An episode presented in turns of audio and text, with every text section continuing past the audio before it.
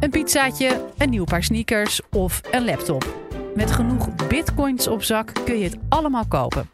Maar gaan we binnenkort ook belasting betalen met de cryptomunt? Je hoort het van jurist Anna Berle van Maastricht University als zij de vraag beantwoordt: waarom mogen we de bitcoin geen geld noemen? Dit is de Universiteit van Nederland. We beginnen met de economische crisis van 2008. Het vertrouwen in de banken was tot een absoluut dieptepunt gedaald. En rond die tijd publiceerde een Satoshi Nakamoto, we weten nog altijd niet of dat één iemand was of dat daar een hele groep van mensen achter zat, een paper, negen pagina tellend paper over de bitcoin. Daar introduceerde hij uh, een nieuw betalingssysteem dat gebaseerd was op verschillende technieken die hij combineerde. En dat was een revolutionair nieuw systeem. Nou, dat was 2009 en inmiddels uh, is die bitcoin en al die andere cryptovaluta die daar uh, ook uh, uit zijn voortgekomen, ja, die zien we overal en je kan nog geen krant meer openslaan of er staat wel iets in. Elke dag is er wel weer wat nieuws over te zien. En sommige mensen die gaan daar zo erg in mee dat ze hun hele hebben en houden ook hebben geïnvesteerd in die bitcoin. Daadwerkelijk alles hebben verkocht en in die bitcoin of een andere cryptovaluta gestopt. Je kan ook op steeds meer plekken al mee betalen. Uh, zo kan thuisbezorgd, kan je pizza uh, thuis bezorgen voor een beetje betaling in bitcoin. Je kan een vakantie ermee boeken. Je kan je vliegtickets ermee betalen. En je kan ook, in sommige gevallen zou je zelfs je huur ermee kunnen betalen. Er zijn sommige partijen die dat ook willen mogelijk maken. Maar je kan hier nog niet zo meteen, als het college klaar is, daarboven een biertje mee afrekenen. En dat is misschien wel de reden waarom je de bitcoin nog geen geld kunt noemen. Nou, ik ben jurist en dat betekent dat ik het dus vanuit die, uh, dat oogpunt bekijk. En ik ben dus geen econoom. Dat moeten we wel even in het achterhoofd houden.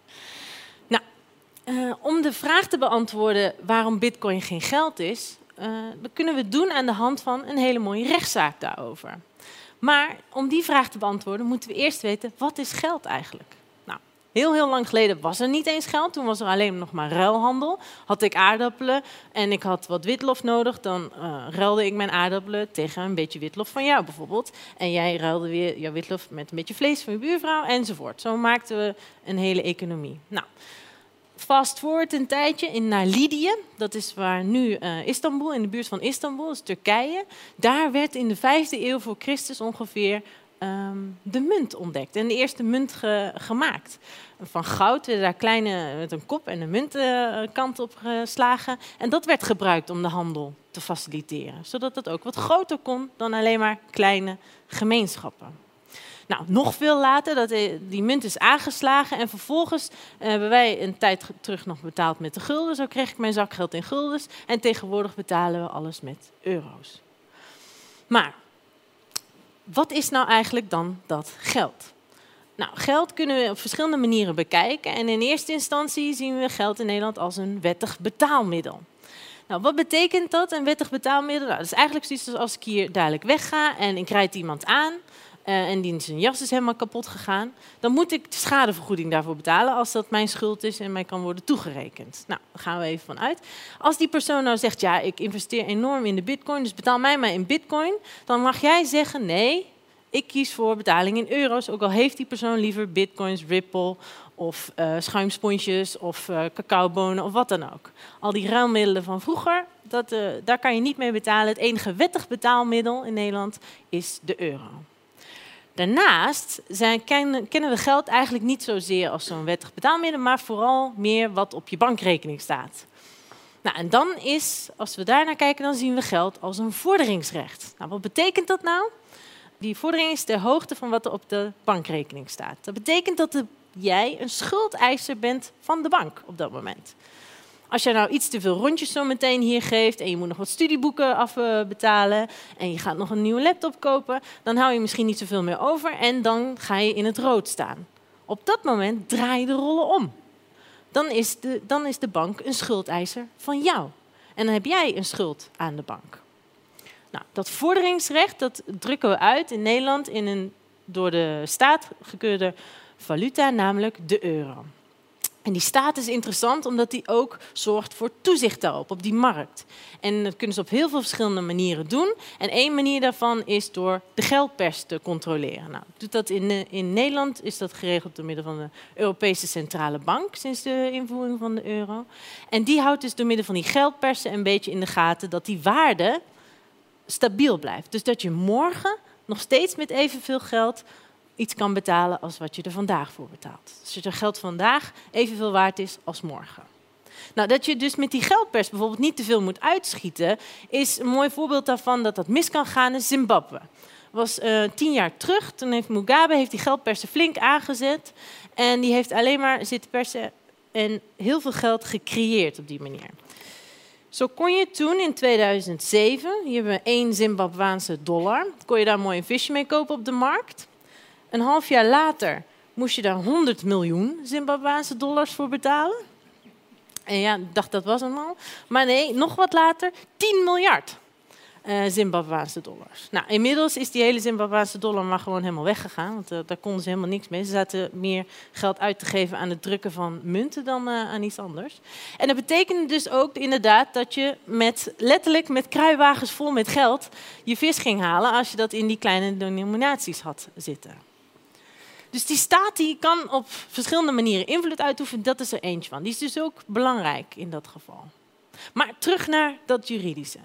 Nou, kennen we in de wet op verschillende plekken vier, ongeveer vier definities van wat geld nou is.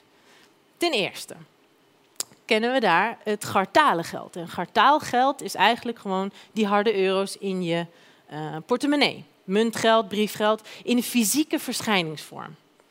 Daarnaast kennen we ook giraalgeld. En dat is dat vorderingsrecht waar ik het eerder over had. Dus dat je een recht hebt op de bank of op een giro-instelling ter hoogte van een bepaald bedrag. Daarnaast kennen we ook nog in de wet financieel toezicht elektronisch geld. En elektronisch geld is dan net, eh, dat lijkt een beetje op dat girale geld, is net een klein beetje anders, maar het is ook een soort vorderingsrecht. En daarvan voorbeelden moet je denken aan bijvoorbeeld de nu niet meer bestaande chipknip, maar ook je PayPal-rekening bijvoorbeeld. Dat valt onder elektronisch recht. Het is voornamelijk van belang voor dat toezichtrecht. En als vierde hebben we de meest ja, vage definitie eigenlijk van wat geld kan zijn. En dat is gangbaar geld. En dat betekent eigenlijk, dat is een soort, wat, wat wij hier met z'n allen vinden dat geld zou moeten zijn, de verkeersopvatting in zekere zin, dat wat de maatschappij vindt dat geld is en het ook zo gebruikt, dat is dan geld.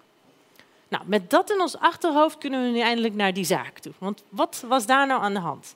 Nou, je had persoon A, en die verkocht 2750 bitcoins aan persoon B. Ze hadden een contract gesloten. In ruil daarvoor uh, betaalde B 22.000 en een beetje euro aan A. Betaalde die ook heel netjes, geen probleem, dat gebeurde wel. Alleen die 2750 bitcoins werden niet geleverd, maar 990 daarvan. Dat betekende dus dat 1760 bitcoins nooit aan zijn gekomen bij de andere partij. Maar die heeft daar wel voor betaald. Dus wat doet hij? Die zegt, ik wil, dat, ik wil die bitcoins alsnog hebben. Nou, dat gebeurde niet. En zei hij, nou dan wil ik in ieder geval mijn geld terug dat ik te veel heb betaald. Dus dat is iets van 14.000 euro. Maar daarnaast, en dat was het leuke aan deze zaak, zei hij ook, ja, maar in die tussentijd, ik voerde dat nu wel, ik wil dat nu van jou hebben, maar in die tussentijd is die koers van die bitcoin als een malle gegaan. En dit is een paar jaar terug, hè, dus je moet er maar een beetje, klein beetje rekening mee houden. Uh, is echt als een enorme, als een speer gegaan. En dat verschil in die koers, die wil ik ook hebben als schadevergoeding. Ik heb daardoor schade geleden doordat ik die niet heb gekregen. En dat is wel 132.000 euro. Dus die wil ik ook nog even bij jou cashen. En dat is koerswijzigingsschade. Nou is het leuk aan koerswijzigingsschade dat dat alleen kan worden toegewezen door de rechter als er sprake is van geld.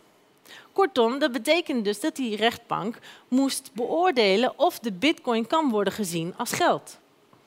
Nou, kort antwoord, nee. Antwoord was nee, dat kan niet. Want, nou, dan gaan we weer die criteria af. Is het een wettig betaalmiddel? Nee, het is geen wettig betaalmiddel. We kennen maar één wettig betaalmiddel in Nederland en dat is de euro. Nou, het is geen euro. Ten tweede, is het gartaalgeld? Nee, want het heeft geen fysieke verschijningsvorm. Die bitcoin, je kan het wel opschrijven heel mooi, maar dat maakt nog niet dat het een fysieke verschijningsvorm heeft en dat het gartaalgeld is. Ten derde, is het dan giraal geld of elektronisch geld? Nou, die twee kunnen we samenpakken omdat het op hetzelfde uh, eigenlijk valt, namelijk het is geen vorderingsrecht op één centrale instantie. Je hebt niet een, een giro-instelling of een bank in dit geval waar je dat geld van kan vorderen. Maar het gaat hier om een heel netwerk. Het is een decentraal netwerk. En ja, daar moet je dan. Je hebt, niet één recht op één van die partijen in dat netwerk, maar eigenlijk op dat hele netwerk zelf. En hoe moet je dat dan vormgeven? Nou, dat past dus niet in wat, uh, wat we in het recht graag zien. Dus dat, daarop kan, niet, kan het ook niet worden toegewezen. Het is dus geen giraal of elektronisch geld. Dan blijft er dus nog maar één definitie over. En dat is de meest interessante. Dat gangbaar geld. Is het dan misschien gangbaar geld? Nou, daar heeft de rechtbank en de rechter zich iets te gemakkelijk in mijn ogen van afgedaan door te zeggen: nee, dat is het niet, want het is geen wettig betaalmiddel. Dus is het geen gangbaar geld. Maar ja, dat is iets te gemakkelijk om te zeggen, want als het enige, als gangbaar geld alleen maar wettig betaalmiddel zou zijn, had het dan alleen maar wettig betaalmiddel genoemd, had dan niet een andere term gebruikt. En als je kijkt naar wat de wetgever had bedoeld ook met die term gangbaar geld, dan zie je ook dat dat juist de bedoeling is dat ruimer wordt geïnterpreteerd dan alleen dat wettig betaalmiddel. Dat is wel een uitgangspunt. Wettig betaalmiddelen zijn over het algemeen gangbaar. Iedereen betaalt ermee, ja, logisch. Maar dat kan breder worden getrokken. En daar hebben ze niet goed, uh, heeft de rechtbank naar mijn mening niet goed genoeg naar gekeken of het wel gangbaar was. Want je kan er toch mee betalen, met je, je kan er toch een pizza mee afrekenen bij thuisbezorgd. Je kan er toch je vliegtickets mee boeken enzovoort. Ik denk trouwens niet dat de uitkomst heel erg anders was geweest als hij dat wel netjes had gedaan. Want dat je bij een paar partijen ermee kan betalen, betekent nog niet dat je er overal mee kan betalen. En dat het heel gangbaar is geworden. Dat biertje hierboven kan ik nog steeds niet betalen met die bitcoin. Nou, kortom, geen geld dus. Want het voldoet niet aan die vier vereisten, of tenminste de vier vormen van geld die we kennen. Nou is het interessant dat ook het Hof van Justitie van de Europese Unie in een andere zaak heeft gezegd dat, uh, dat de bitcoin juist wel een betaalmiddel is. Dat ging over BTW. Dat was de, de vraag van als ik, iets, als ik bitcoins aan jou bijvoorbeeld hiervoor overdraag en jij uh, geeft daar geld voor terug, net zoals die persoon A en B net, moet ik dan ook BTW betalen? Ben ik dan BTW-plichtig? Nou, en dan zei het Hof van Justitie, nee, dat hoeft natuurlijk niet, want de enige reden waarom je die bitcoins overdraagt, is dat dat is eigenlijk een soort betaling. En betaling is juist uitgesloten van die btw, dus daar gaan we niet aan beginnen.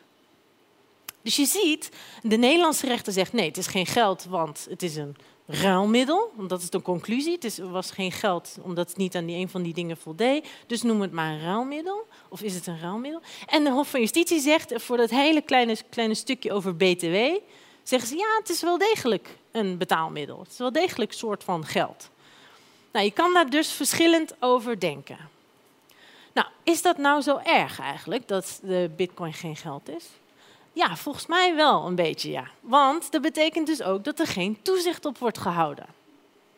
En dat betekent dus dat als uh, wij hier met valse berichten, om het maar even heel mooi te noemen, fake news, uh, allerlei dingen de wereld inslingeren over die bitcoin en zo de koers van die bitcoin manipuleren, of dat we met voorkennis gaan handelen in die bitcoins, uh, dan kan de Nederlandse bank, dan kan de Autoriteit Financiële Markten, de Europese Centrale Bank, die kan niets doen.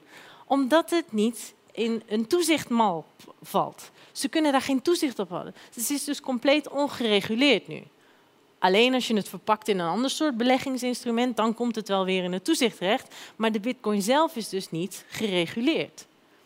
En dat betekent dus ook dat er een zekere bescherming ook mist voor die mensen die daarin investeren. Die mensen die daar een hele hebben en houden in hebben geïnvesteerd. Ja, dat kan morgen zomaar in één keer een groot probleem zijn als die koers enorm daalt. Zouden ze niet beter hebben moeten worden voorgelicht bijvoorbeeld? Nou, dat zijn allemaal problemen waar je aan kan denken, omdat het niet gereguleerd is. Ja, en door het gebrek aan die regulering ontstaan er ook steeds meer nieuwe varianten van die cryptovaluten. Er zijn er duizenden inmiddels al. En uh, ja, nou, je ziet dus de Bitcoin, de Ripple, de Monero, de Litecoin, enzovoort, enzovoort, enzovoort. Ik kan wel een hele lijst opnoemen zo. En het is ook heel gemakkelijk om die munt te maken. Zo kunnen wij hier met z'n allen vanavond besluiten dat we een Universiteit van Nederland coin gaan maken. Die noemen we dan de Unicoin. Uh, en de software zelf, ja, die is gewoon open source, kunnen we downloaden, kunnen we even aan sleutelen en morgen kan het ding in de lucht hangen. Nou, als we datzelfde proberen te doen en we zetten hier een printer neer en we gaan eurotjes printen, dan op het moment dat dit wordt uitgezonden, dan, wordt, staat de politie diezelfde avond nog op mijn stoep. En al die mensen hier ook, want jullie zijn op camera.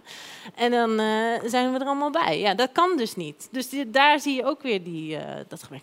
En dat er heel veel verschillende soorten valuta zijn. Ja, dat betekent ook dat er in één keer hele rare tussen komen.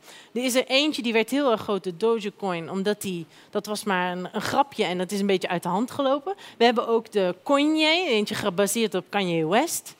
Uh, eentje is gebaseerd op uh, wereldleiders, zoals Putin Coin. Die bestaat echt, kan erin investeren. En er is zowaar een evil coin, die ten doel heeft om het kwaad te inspireren in anderen. Dat is het enige doel van die hele munt, hè? Eigenlijk niet de bedoeling misschien dat ik daar nu zo reclame voor maak, eigenlijk, bedenk ik me. Uh, nou ja, dat levert dus heel erg veel verschillende van die munten op. En dat is ook weer interessant voor die definitie gangbaar geld. Want als we het ooit eens willen gaan behandelen als geld, dan is die gangbaar geld misschien wel de meest logische categorie. Maar dan moet dan wel eentje komen bovendrijven als de soort munt die iedereen dan gebruikt. Want als ik wil gaan betalen met mijn evil coin en ze zeggen ja, we accepteren alleen maar Putin coin, Kanye coin en die en die en die, ja, dan wordt het ook niet heel erg gangbaar op dat, uh, dit terrein. Hè?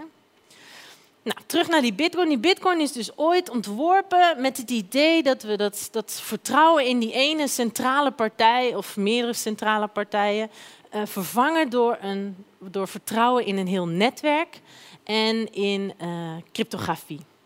Maar dan moet dat vertrouwen dus wel gerechtvaardigd zijn.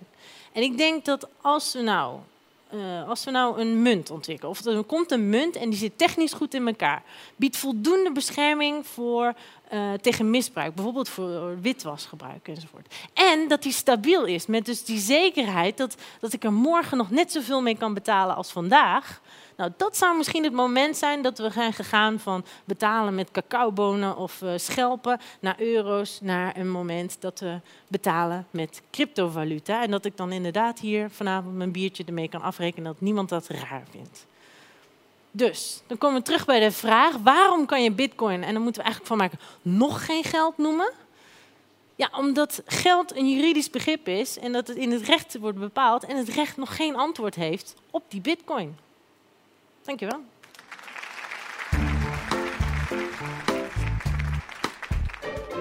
Wil je nou meer afleveringen van de Universiteit van Nederland horen? Check dan de hele playlist en ontdek het antwoord op vele andere vragen.